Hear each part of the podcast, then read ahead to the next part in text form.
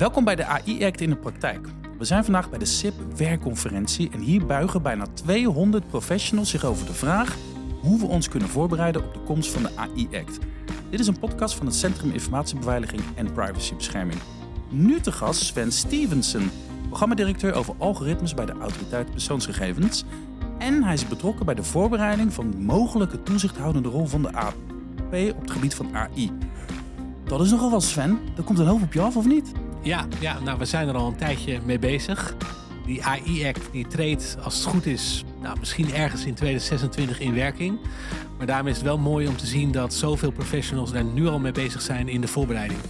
Ja, je merkt dat vaak hè, met nieuwe technologie. Dan hoor je vaak van, hé, hey, we lopen een beetje achter de feiten aan. SIP heeft nu de handschoen opgepakt en gezegd, weet je wat, we gaan gewoon ruim van tevoren met z'n alles nadenken. Wat gebeurt hier allemaal? Hoe kunnen we ons voorbereiden? Wat zie jij eigenlijk gebeuren in het veld? Want er is een hoop mensen zijn zoekende, hè? Ja, en hè, aan de ene kant, ja, we lopen vooruit op die wetgeving die er aankomt. En die heeft dus een overgangsperiode van twee jaar. Maar wat wij ook zien, en daar zijn wij bij de AP in ons dagelijks werk mee bezig, is dat AI en algoritmes nu echt in een stroomversnelling raken. Het Mhm. wordt al, werd al veel gebruikt, maar zeker met nieuwe toepassingen als generatieve AI gaat het nu heel snel dat het overal wordt toegepast. Dus het is ook echt broodnodig dat die regelgeving er komt en dat we met z'n allen een goed beeld hebben met hoe we dit op een goede manier reguleren en daar grip op krijgen. Je ziet al die professionals zoeken. Uh, hoe zit het eigenlijk uh, met jullie zelf, de autoriteit persoonsgegevens en, en misschien wel de overheid? Zijn die ook zo aan het zoeken? Uh, ja, het zijn zoekende. En dat is op allerlei fronten. Dus he, je ziet heel veel discussies over definities. Wanneer is het nou wel een algoritme? Wanneer is het nou niet een, een AI-systeem? Wat vinden we wel een hoog risico? Wat vinden we niet hoog risico? Uh, moet je, wat moet je vooraf to toetsen? Wat is een structuur binnen een organisatie? Hoe je de grip op moet krijgen? Dus je ziet dat er heel veel vragen op tafel liggen. Je ziet dat er overal eerste antwoorden liggen. Uh, maar ja, het, het is tegelijkertijd...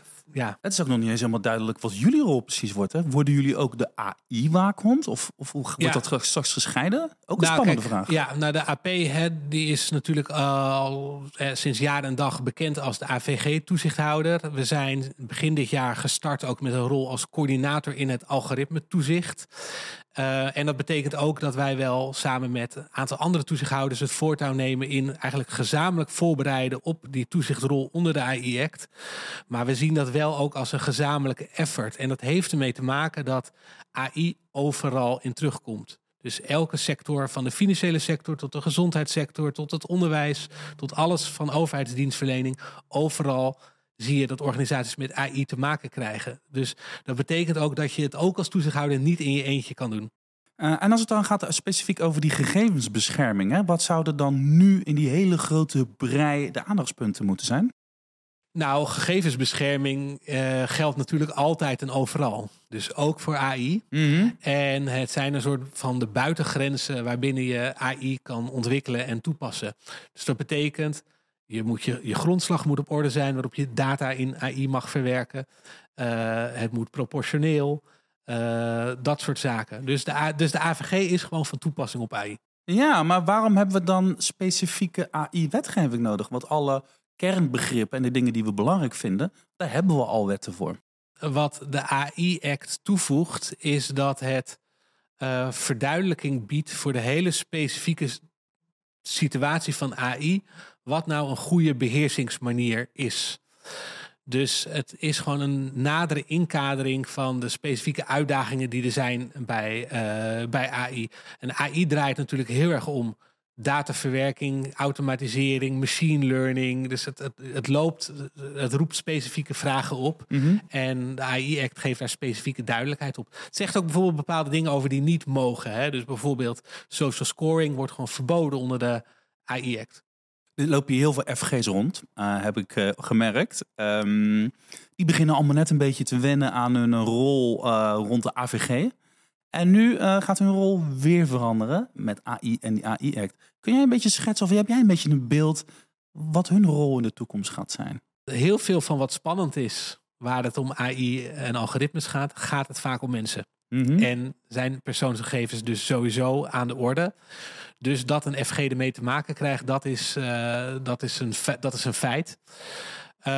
Ik denk voor FG's gaat het heel erg een uitdaging worden van... betekent het dat er nog veel meer op hun bordje komt? Dus moet Mhm. een FG ook een AI-systeem aan de AI-act toepassen, toetsen? Mhm. Of kan hij gewoon blijven kijken naar strikt de AVG-compliance? Eh, en op welke momenten? Is het vooraf? Is het ook tijdens het gebruik van een AI-systeem? Ehm, dat zijn vragen waar nog niet hele eenduidige antwoorden op zijn. Ook bijvoorbeeld omdat waar die AI-act zich op, echt op richt, is op eh, dat een AI wordt gezien als een product. Dus het AI is een product, volgens die wetgeving, gemaakt door een ontwikkelaar. En een organisatie is een gebruiker die het, die het inzet. En het legt verantwoordelijkheden bij die producten. En de rol van de FG is heel erg gericht op de organisatie die een systeem gebruikt. Zou, zou, zou het kunnen zijn dat je straks een functionaris gegevensbescherming hebt en dat daarnaast een, eh, een functionaris eh, AI-implementatie bij organisaties gaat rondlopen? Nou ja, dat is een heel origineel idee. En we zien dat organisaties dit ook al doen. Oh, dat Dus, gebeurt al. ja, nou ja, organisaties zijn hier gewoon, ehm denk ik heel goed, zijn hier gewoon aan het experimenteren. Dus je ziet dat er organisaties zijn die komen op met het idee van een functionaris algoritmes. Dat Mhm. heeft misschien niet dezelfde juridische basis op dit moment als een, als een FG. Maar het idee is best aardig. We doen iemand specifiek die gewoon toetst voldoende algoritmes en AI aan standaarden, best practices die er op dit moment zijn. We zien ook dat organisaties de FG-rol uitbreiden met een wat groter office. Waarin Mhm. dan een team van mensen werkt. Waarin ook mensen spe- zich specifiek focussen op AI. Dus dit soort ideeën, ideeën zijn er. En waar het gaat eindigen, dat, Dat, weten we eigenlijk nog niet. Hè? En dan Nee. hebben we dus, dat is dus die FG. Ehm, kun jij mij eens een beetje meenemen in de concretere voorbeelden van die nieuwe ICT-producten waar die wet dus op van toepassing is? En probeer me een beetje te verrassen. Ja, Neem eens een beetje mee naar die wereld van over, over 10, 20 jaar. Waar zitten we eigenlijk naar te kijken met z'n allen? nou de wereld van nu is al spannend genoeg. Het is, ehm, en wij, wij kijken hier natuurlijk dagelijks naar. En de voorbeelden zijn soms heel verrassend. Nou, neem een voorbeeld. eh, een casus waar we wel serieus over hebben gebogen. Waarvan we weten van, hey, dit, dit gaat ook meerdere toezichthouders raken. Is bijvoorbeeld een triagesysteem op de intensive care. Ah. Dus ehm, dat is, daar zijn systemen die echt AI zijn gebaseerd. Alle informatie bij elkaar verzamelen. En op basis daarvan zo goed mogelijk advies geven aan de artsen. Van hey, wanneer kan je nou een patiënt ontslaan van intensive care? Nou, je snapt al gelijk, dat is wel heavy. dat, Hè, raakt, is dat, een- dat raakt de ethische vragen als van wie gaat er eigenlijk over? Wat is er- Zeker. Moet dat AI-systeem Ja. misschien straks ook de Ja. eet af gaan leggen? Of hoe Ja. verhoudt hij zich dan tot de arts? Dat soort dingen. Ja, nou, heel, ander, heel ander voorbeeld is ehm, van alles wat in het onderwijs gebeurt. En ook toelating tot onderwijsinstellingen. Ja, daar wordt ook AI voor gebruikt. Of om de voortgang van studenten te beoordelen. Eh, maar recent een ander voorbeeld wat we zien. En waar we ook wel aandacht voor hebben. Is alles wat met arbeidsaansturing te maken heeft. Dus steeds meer arbeid wordt aangestuurd door algoritmes. Mhm. Dat noemen we algoritmisch management. En dat betekent dus bijvoorbeeld dat een thuiszorgwerker dat ja, die wordt aangestuurd door een algoritme die bepaalt van wanneer die naar welke eh, naar welk huis gaat om daar eh, te helpen. En dat wordt er dan mogelijk ook getracked door een algoritmes. Ja. Maar het raakt dus alles en iedereen in allerlei verschillende vormen. Ja, het is een hele spannende tijd en iedereen moet er wat mee. Eh, ik ben in ieder geval blij dat het SIB het initiatief genomen heeft om vandaag al die mensen bij elkaar te halen.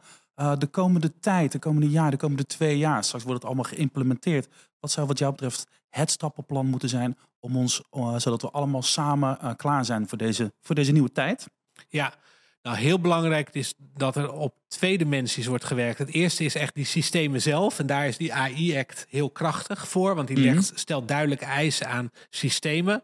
Een AI-toepassing. Met name dus als die hoog risico zijn. En waar we denken dat nog veel meer aandacht voor moet komen. En we zien dat het SIP daar een goede rol in speelt door de, door de professionals bij elkaar te brengen. Is van wat vraagt het nou van organisaties? Hoe moet je je organisatie nou inrichten? Hoe zorg je dat je als grote organisatie, die misschien wel 20 tot 40 risicovolle AI-systemen gebruikt, dat je je organiseert dat daar veel kennis, kunde, waarborgen in die organisatie zijn ingebed om dit allemaal ja, op een goede manier, op een veilige manier en dus een samenlevingsversterkende manier eh, mogelijk te maken. Nou, dat, dat, ik denk dat dat een mooie conclusie is. Eh, ik hoop dat het lukt en ik wens jullie allemaal heel veel succes. Dankjewel Sven Stevenson voor dit Dankjewel. gesprek. Eh, en als je nou benieuwd bent wat al die andere collega's van jou hier nou ervan vinden, dan kan je naar onze website sip-overheid.nl. Dankjewel.